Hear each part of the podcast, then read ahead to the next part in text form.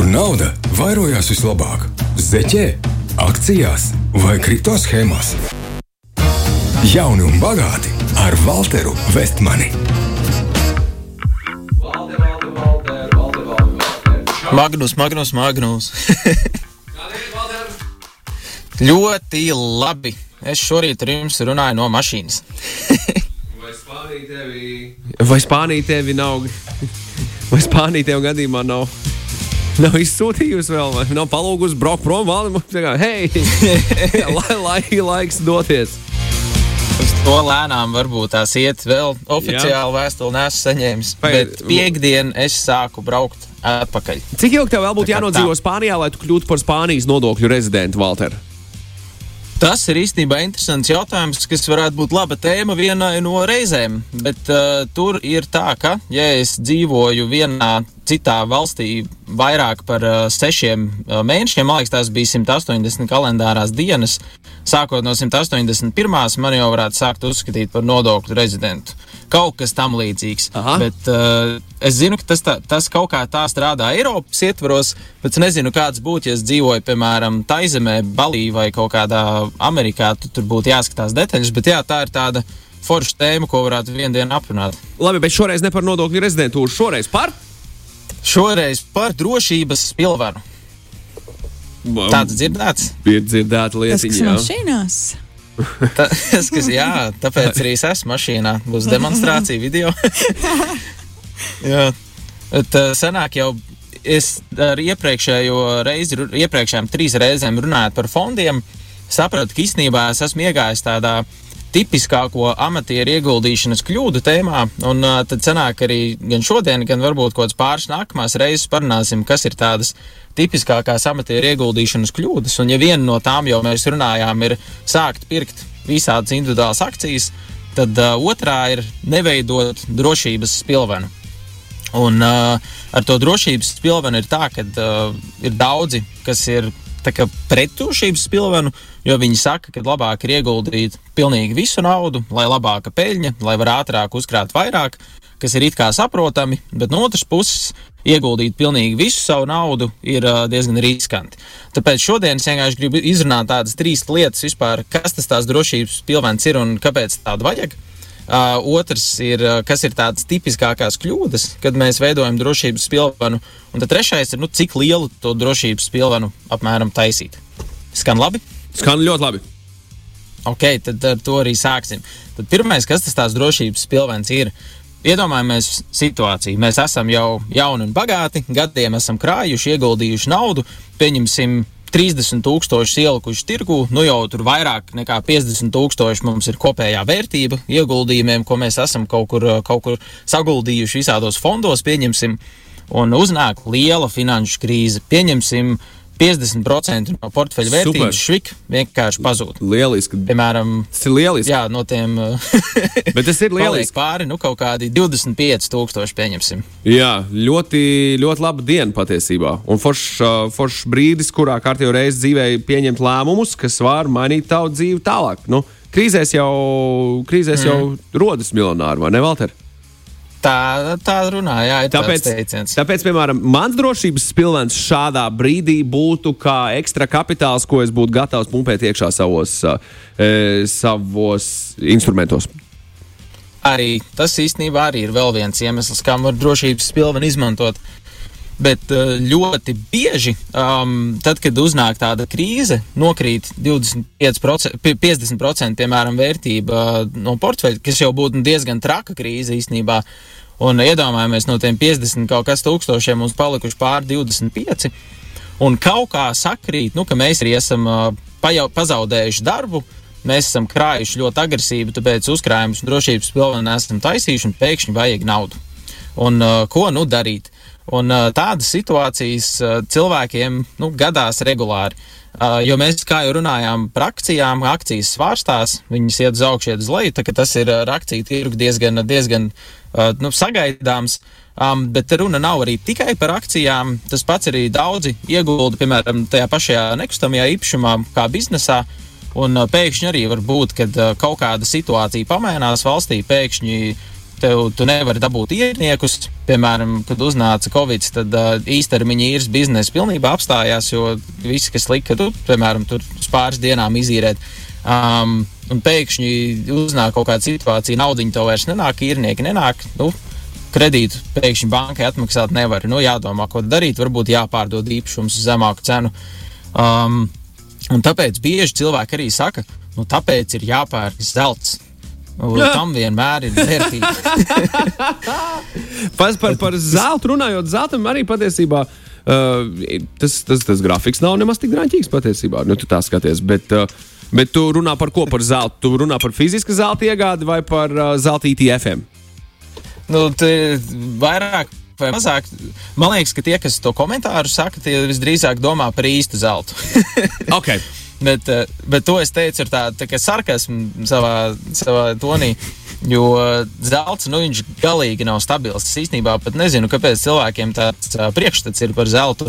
Um, jo, piemēram, ja skatās zelta cenas, tad no kaut kādiem 80. līdz 2000. gadu sākumam, kaut kādus 20 gadus viņš nu, diezgan stabili gāja uz leju. Tad viņš kaut kādus uh, 10 gadus stabili gāja uz augšu tad atkal kaut kādus 6, 7 gāja uz leju, tagad pēdējos 4 uz augšu. Tā kā nu, nav tā, ka zelta stāv uz vietas un viņam ir viena cena visu laiku. Nu, viņš arī diezgan svārstīgs ir. Eh, cik šobrīd zelta maksā? Es skatos, U, šobrīd kaut kādas 2000 kaut ko nedaudz dolāros. Ap, man, tas, ko es skatos, man ir pišķiņa zem 1936,81. Vismaz tā man rāda. Jā, kaut kas tāds. Noteikti uz, atkarīgs no tā, uz kuru grafiku mēs katrs skatāmies šobrīd. es skatos uz to historical nu, chart. Kaut kas ap to ir, jā. Nu, lūk, bet uh, tad ir jautājums, jā, ok, ieguldam kaut kur naudu, vienalga vai tas ir uh, zelts, vai tas ir nekustamais, vai tās ir akcijas, vai vēl kaut kas cits.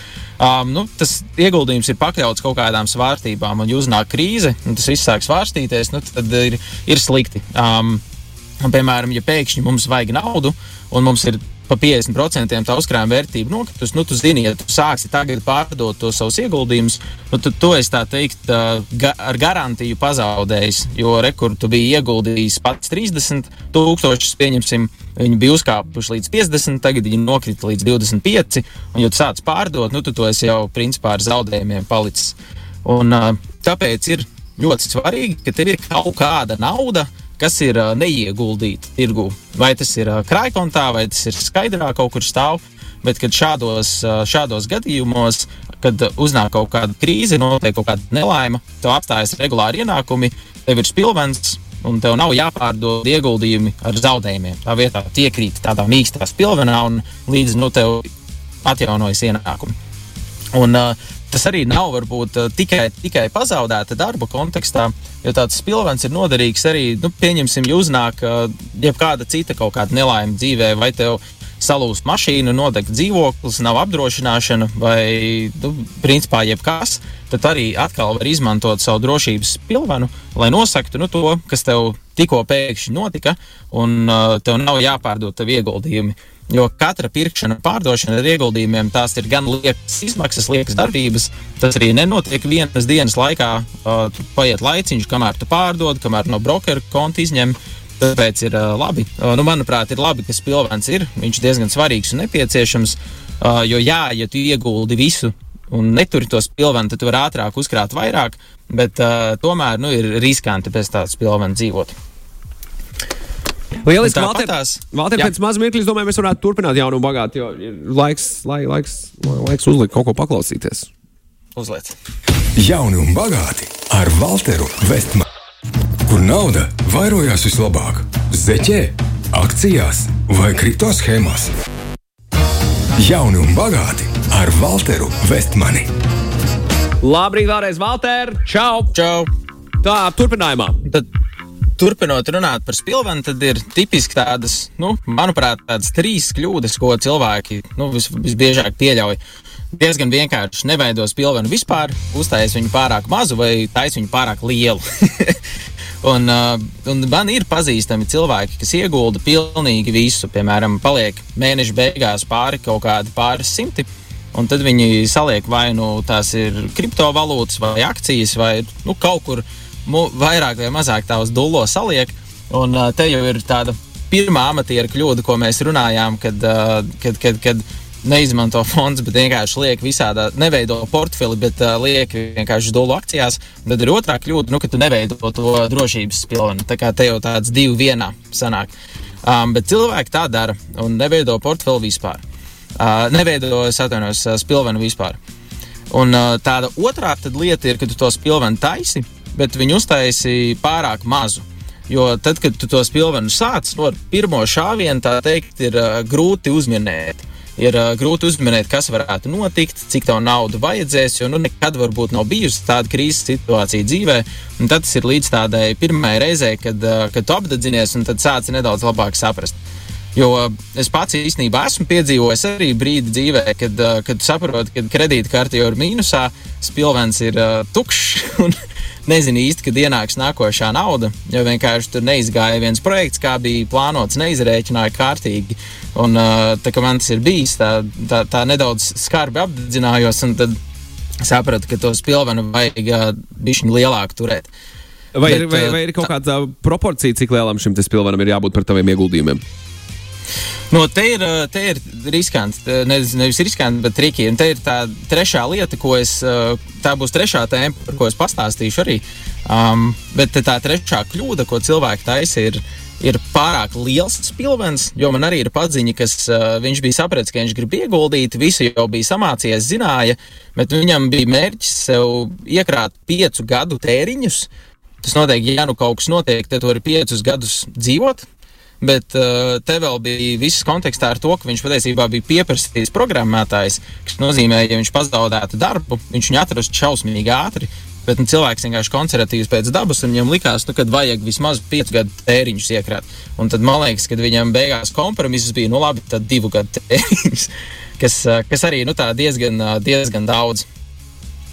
Bet uh, atgriežoties jā, pie Magnus jautājuma, cik lielu to spilvenu taisīt, un te ir īstenībā tā, ka tie scenāriji ir nu, daudz un dažādi. Nav tāda viennozīmīga formula. Piemēram, tu jautāji proporcionāli par ieguldījumiem. Uh, te patiesībā jāskatās ir uh, nedaudz citādāk. Jāskatās, kāda tev ir profesija, vai tu, vai tu to darbu varēsi dabūt atkal ātri vai, vai netik ātri, kāda tev ir darba vieta, vai tev ir citi ienākuma avoti vai tikai viens, vai tu esi viens pats cilvēks, vai tu esi, vai tu esi ar ģimeni.